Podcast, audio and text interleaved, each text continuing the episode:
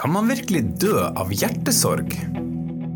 Og hva gir egentlig størst risiko for hjerte- og karsykdommer? Hjertespesialist Maja-Lisa Løken har sett flere hjerter enn de fleste, og forteller i dag det meste du trenger å vite om vår aller viktigste muskel.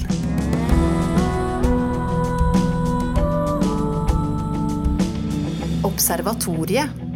En forskningspodkast fra UiT Norges arktiske universitet. Med Geir Hevnskjell Ringvold, mannen som lurer på det meste, og Marit Anne Hauan, som bokstavelig talt lever av fortellinger. Og en ny, spennende forsker hver uke.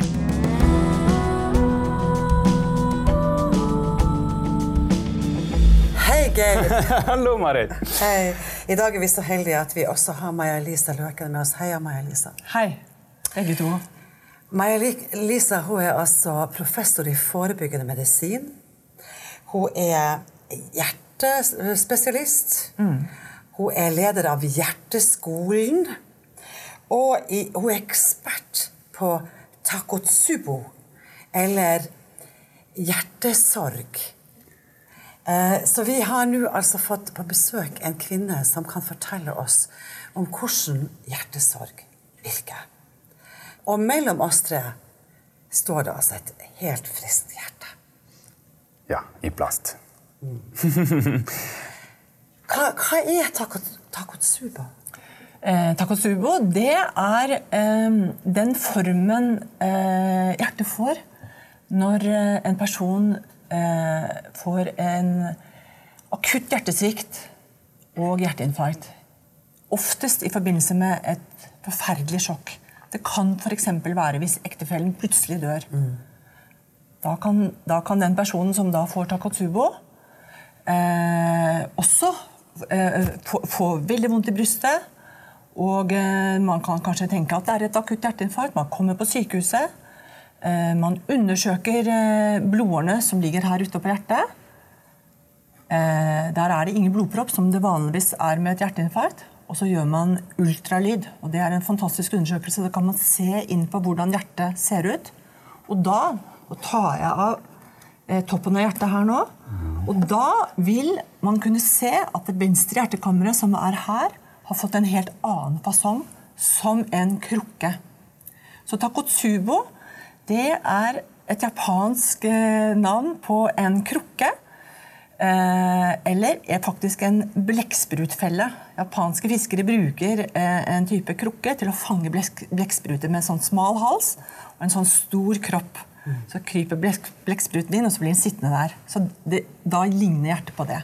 Derfor, og Det var japanske forskere som første gang beskrev dette fenomenet da, med hvordan hjertet forandrer fasong i forbindelse med en, et sånt uh, tilfelle. Ja.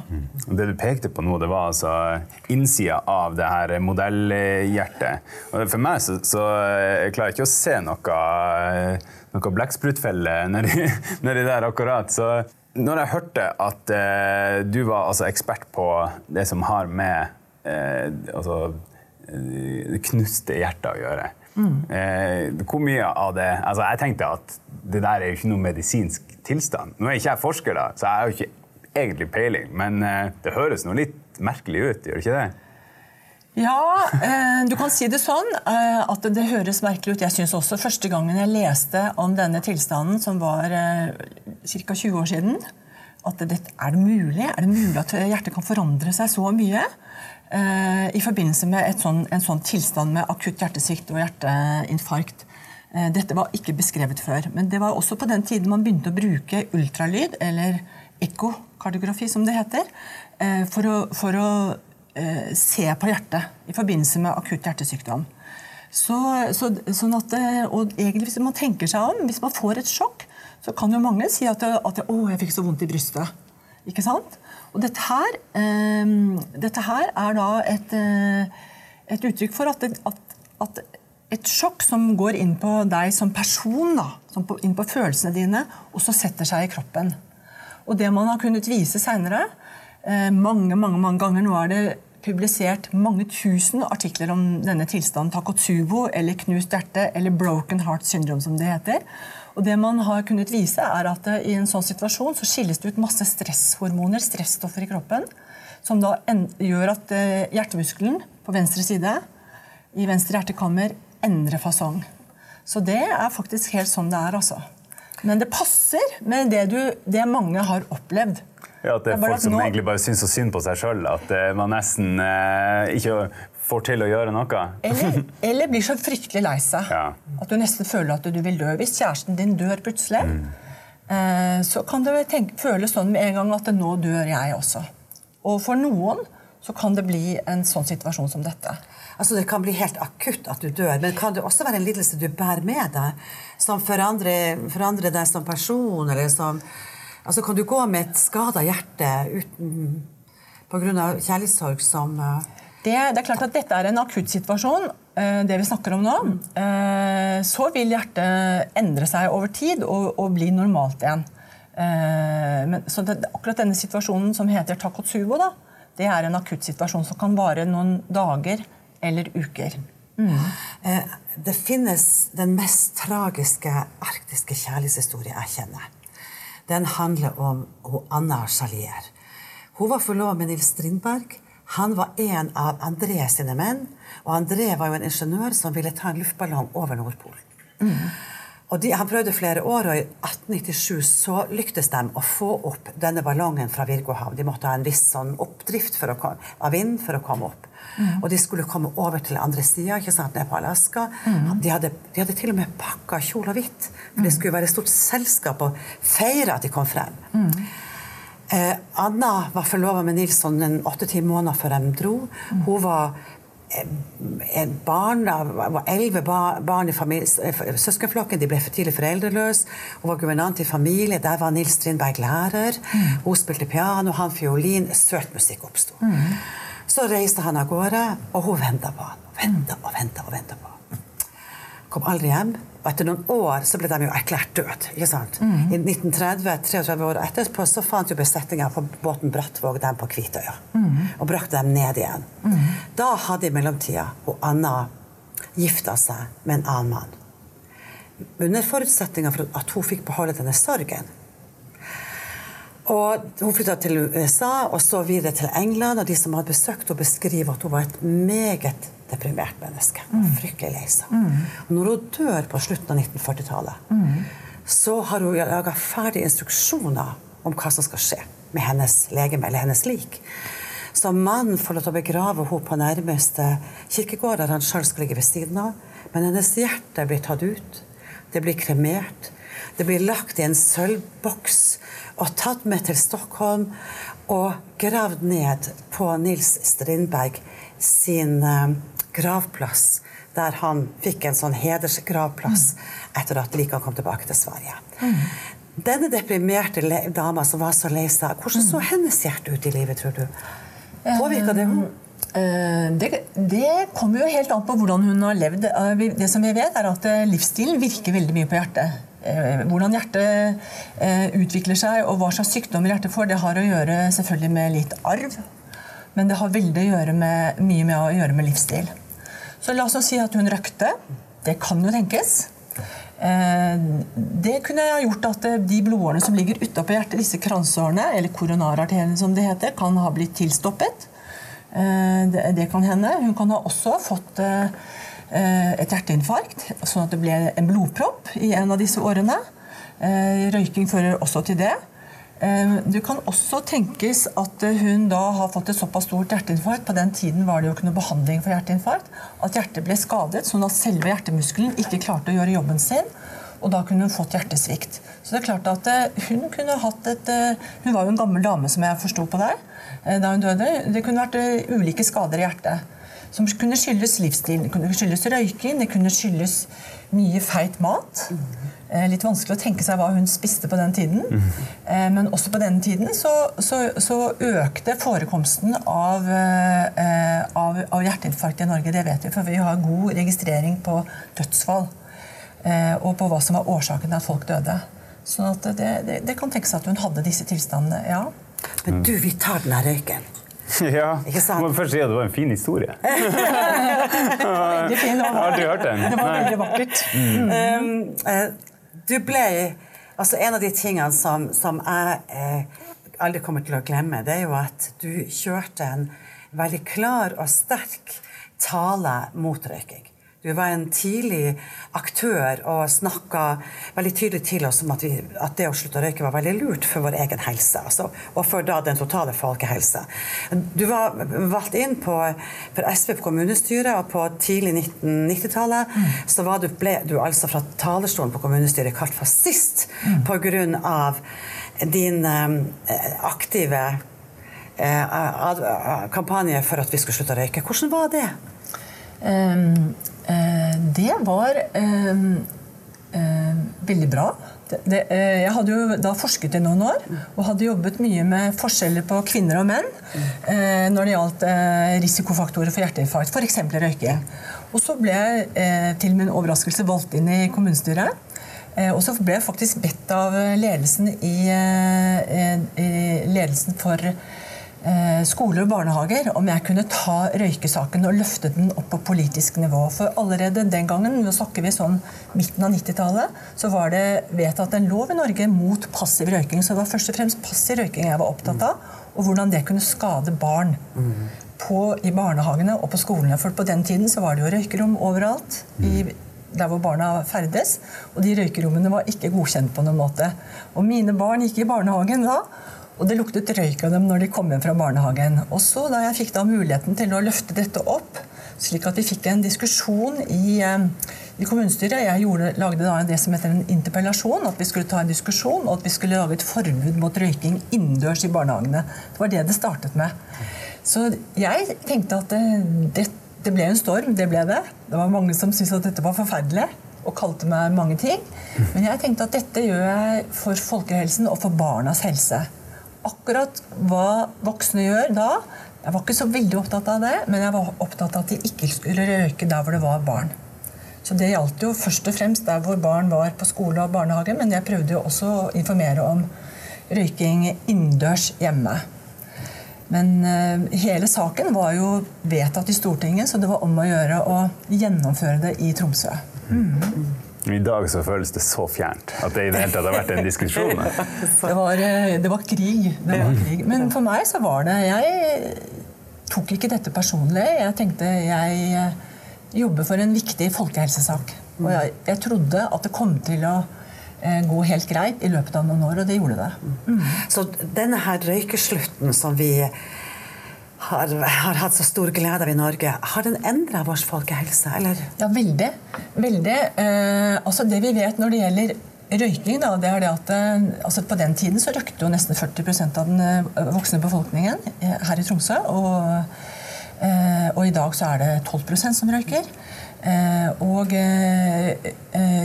det er helt slutt på å røyke innendørs. Det, det er ingen røyking mm. i restauranter. Og, I hvert fall er det ingen som røyker innendørs når barn er til stede lenger.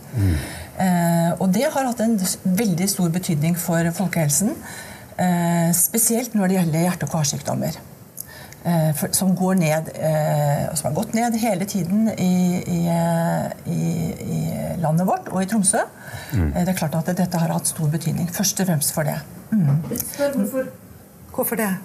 Fordi at røyking er den viktigste risikofaktoren for eh, akutt hjerteinfarkt for dem som røyker. Hvis de er under 70 år. Ja. Så det som er det gode budskapet er at hvis du klarer å slutte å røyke, så går det bare et par år før du har like liten risiko for å få hjerteinfarkt som, eh, som en som aldri har røykt. Men hvis du Yes. spiser mye fett da, i, tillegg, og spiser mye sukker og sånn, øker du Tar du igjen det? Vi, trøster oss, vi, vi som har slutta å røyke, vi vet jo at vi trenger trøst. Så da har vi jo hevet oss på godteposen eller Aha, kanskje det er det som er forklaringen på den hjertesorgen? Eh, ja, altså eh, det som vi, eh, Du kan si at det å ha høyt kolesterol, da, som, som man kan få ved å spise veldig mye mettet fett eller transfett Altså, eh, mettet fett er det som er i rødt kjøtt og i det, det fette, synlige fettet vi kan se i kjøttet. Transfett er det som var i den gammeldagse margarinen, som ikke er lov lenger. Ja, men som fortsatt fins i potetgull. Ja. Hvis man spiser mye av det, så har man også økt risiko. Men, for, men, men det vi vet nå i Tromsø Vi har jo Tromsø-undersøkelsen, som har undersøkt eh, disse faktorene i, i den voksne befolkningen. Eh, det vi vet er at, eh, at uh, nivået av kolesterol, eller fett i blodet, det går ned i Tromsø over tid. Det har vi målt uh, sju ganger i Tromsø-undersøkelsen siden 70-tallet. Det går ned. Blodtrykket er mye bedre. Det tror vi først og fremst skyldes at vi spiser mindre salt. Eller vi konserverer eller oppbevarer maten på andre måter. Og vi røyker mindre. Sånn at disse her, Det eneste som, er, det som skjer med vår befolkning, er at vi blir tjukkere. Det er liksom det eneste ugunstige. Men til tross for at vi blir tjukkere, Eh, det har vært gradvis over alle disse 40 årene som Tromsø-undersøkelsen har pågått. Så har det faktisk ikke hatt utslag på, på hjerteinfarkt. Det har ikke det, altså. Og vi lever lenger. Sånn at det er akkurat hvorfor dette med fedme, eller økt fedme i befolkningen ikke har slått ut på disse alvorlige sykdommene enda, det vet vi ikke. Mm. Så Maja-Lisa, du er altså ekspert og professor i eh, forebyggende hjertemedisin. Men eh, nå skal vi høre litt mer om eh, din bakgrunn. Maja-Lisa, du heter, du heter Maja-Lisa. Maja-Lisa, ja. Det er ikke vanlig. Maja-Lisa. Maja-Lisa. Maja-Lisa. Maja Det er sånn man uttaler det. Hvor, hvor du har fått den fra? Og moren min var fra Karelen. Uh, I Finland, altså det som nå er i Russland. Da. Hun var faktisk flyktning etter den, disse krigene i Finland, der Finland tapte en del av landet sitt til Russland. Uh, og hun dro til USA etter krigen. Der møtte hun en norsk student. Det var min far. Og de gifta seg, og, og jeg fikk finsk navn. Jeg var kjempeheldig. Mm, jeg er veldig stolt av navnet mitt. Mm. Du har vokst opp sør i Norge? Jeg vokste opp eh, på Ås, uh, og litt i Finland. Mm. Men eh, så kom du nordover. Ja, jeg gjorde det. Ja, hvorfor det? Eh, jeg ville bli lege. Eh, jeg hadde ikke gode nok karakterer til å komme inn de, på de andre universitetene sørpå. Eh, jeg var kjempeheldig. Jeg, jeg kom inn her. Og jeg dro oppover. Jeg visste nesten ikke hva som var forskjell på Tromsø og Bodø når det gjaldt plassering, men jeg dro oppover og ble her. Ja. Her er du. Og, har, og og har elsket å bo her, det må jeg bare si. Eh, jeg hadde tenkt at jeg skulle studere sørpå eller i utlandet. Jeg kom ikke inn i utlandet heller. Men jeg kom inn her og så tenkte jeg dette er jo som å dra til et annet land. Og det er det på mange måter. Så sånn kom jeg nordover. Det var pga. studiene. Hvor du hadde praksis? Hvor du Um, under studiet så var jeg et halvt år på Gravdal sykehus i Lofoten. Og, og noen måneder i, hos allmennlege på Sortland. Og så eh, Turnustjenesten min hadde jeg delvis på Moss sykehus, som var det nærmeste sykehuset der jeg kommer fra. Men jeg lengtet nordover, så tok jeg distriktsturnus i Karlsøy kommune. Og da fikk jeg etter det jobb på medisinsk avdeling her. Og det var egentlig bare tre ukers vikariat, men jeg er der enda. men du, du kom til Gravdal. ikke sant? Det var jo røde, det røde sykehuset. Mm. Var du med på denne, var det derfor du er så opptatt av venstre hjertekammer? Har du vært med på den radikale bølgen? Ja, ja det var et, eh, det var et, eh, Dette her er jo da ca. 1980 at jeg var på Gravdal sykehus. Eh, det som var bare et helt fantastisk sted å jobbe. Jeg lærte masse, masse. Og det var et legekollegium da, som var radikalt, politisk aktive. opptatt av ja, veldig mye på venstresiden.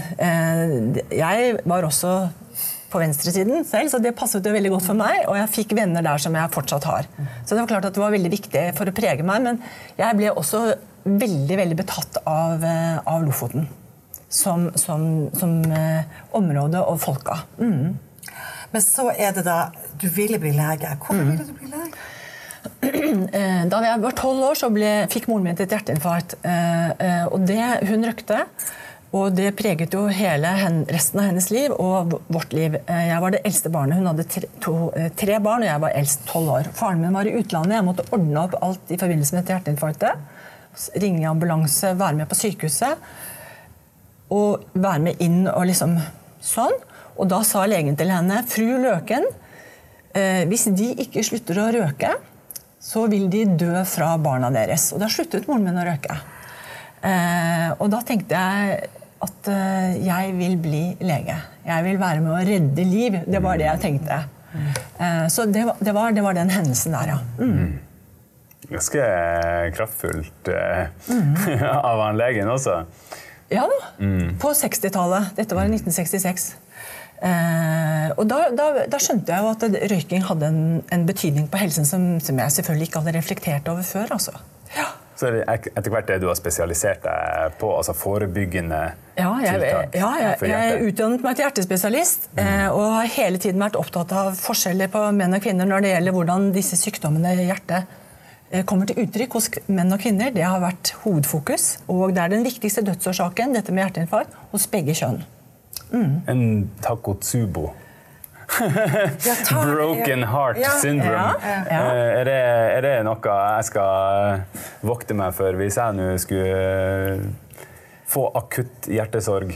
Ja, du kan si det sånn at eh, Vi vet at ca. 10% av de som kommer inn med spørsmål om et akutt hjerteinfarkt, ikke har tette blodårer, sånn som vi snakket om i stad, men at de har en annen type hjerteinfarkt med tilstopping av blodårer som ikke kan måles med hjelp av røntgenundersøkelser.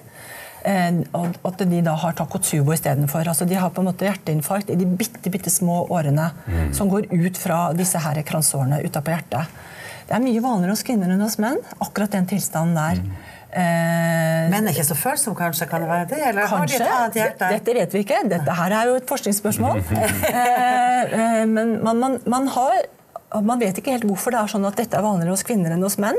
90% av disse pasientene er kvinner. Det kan ha å gjøre med at forholdene er mindre hos kvinner. Det kan ha å gjøre med at kvinner har mindre kropp. Eh, og at hjertet blir mer sammentrykt. Eh, det har vært en hypotese. Og det kan også ha med å gjøre det som du antyder, at kvinner reagerer følelsesmessig på en annen måte enn det menn gjør. Eh, så dette her er ting som vi ikke har kunnskap om enda. Ja. Men da må vi stille spørsmålet er det, er det, her, er det her de spørsmålene som skal bringe oss fremover? Skal hvordan skal hjertemedisin ta, skape seg en ny fremtid? Hva, hva, hva tenker dere om Eh, altså som, eh, som, forsker så er det mange ting jeg lurer på, men en av de tingene jeg lurer på, det er hva som gjør at kvinner gjennomsnittlig får hjerteinfarkt ti år etter menn. Det er jo fint for kvinnene. Eh, det er et spørsmål vi ikke vet. Eh, og hva er det som gjør at eh, en del av disse risikofaktorene vi var inne på, på dette med røyking, virker så forskjellig på kvinner og menn? Så som, som en som forsker på årsaker da, til hjertesykdom og forekomst av hjertesykdom, så er det sånne spørsmål vi har muligheten til å svare på, eh, og som jeg er opptatt av. Mm. Hvordan forsker du? Hva er dine metoder? Eh, jeg benytter først og fremst data fra Tromsø-undersøkelsen. og De samles jo inn ved at den voksne befolkningen i Tromsø inviteres inn og svarer på spørreskjemaer. Eh, gir fra seg blod til blodprøver. Eh, de blir målt høydevekt på, og blodtrykk. Så Det er det som heter kvantitativ forskningsmetode, og forskningsområdet heter epidemiologi, som er læren om sykdommers forekomst og risikofaktorer. Det er disse dataene jeg bruker. Ja. Altså, hvis vi skulle stille spørsmålet eh, hvor relevant er denne forskninga? så har vi allerede svart på den? Eh, folk har sluttet å røyke, de spiser bedre og alle disse tingene. Mm. Men eh, skal man også gi et råd eh, til det å være det kjærlige mennesket? Eh, kan man si at man gis relasjoner mellom folk som har oppretta et kjærlighetsforhold, så må man være varsom med hvordan man behandler den andre. Ellers så kan det, det oppstå eh, krukkeforma venstre hjertekammer. eh, altså krukkeforma hjerte... Eh, eh, altså, eller takotsubo det er jo ikke noe som på en måte eh, skjer eh, gradvis. Det er jo en akutt hendelse. Eh, hvis noen dør, gjerne. Så det er, det er, akkurat det er jo ikke så lett å forebygge. Men ellers generelt, det gjelder jo både de pasientene jeg har, når jeg jobber som overlege, og eh, ellers eh, til befolkningen. Det er klart at det er viktig å være god med hverandre. Det er klart at det betyr veldig, veldig mye for hvordan vi lever. Mm. Maja Lisa Løke, tusen hjertelig takk skal du ha. Vi håper vi snakkes igjen. Tusen takk for meg.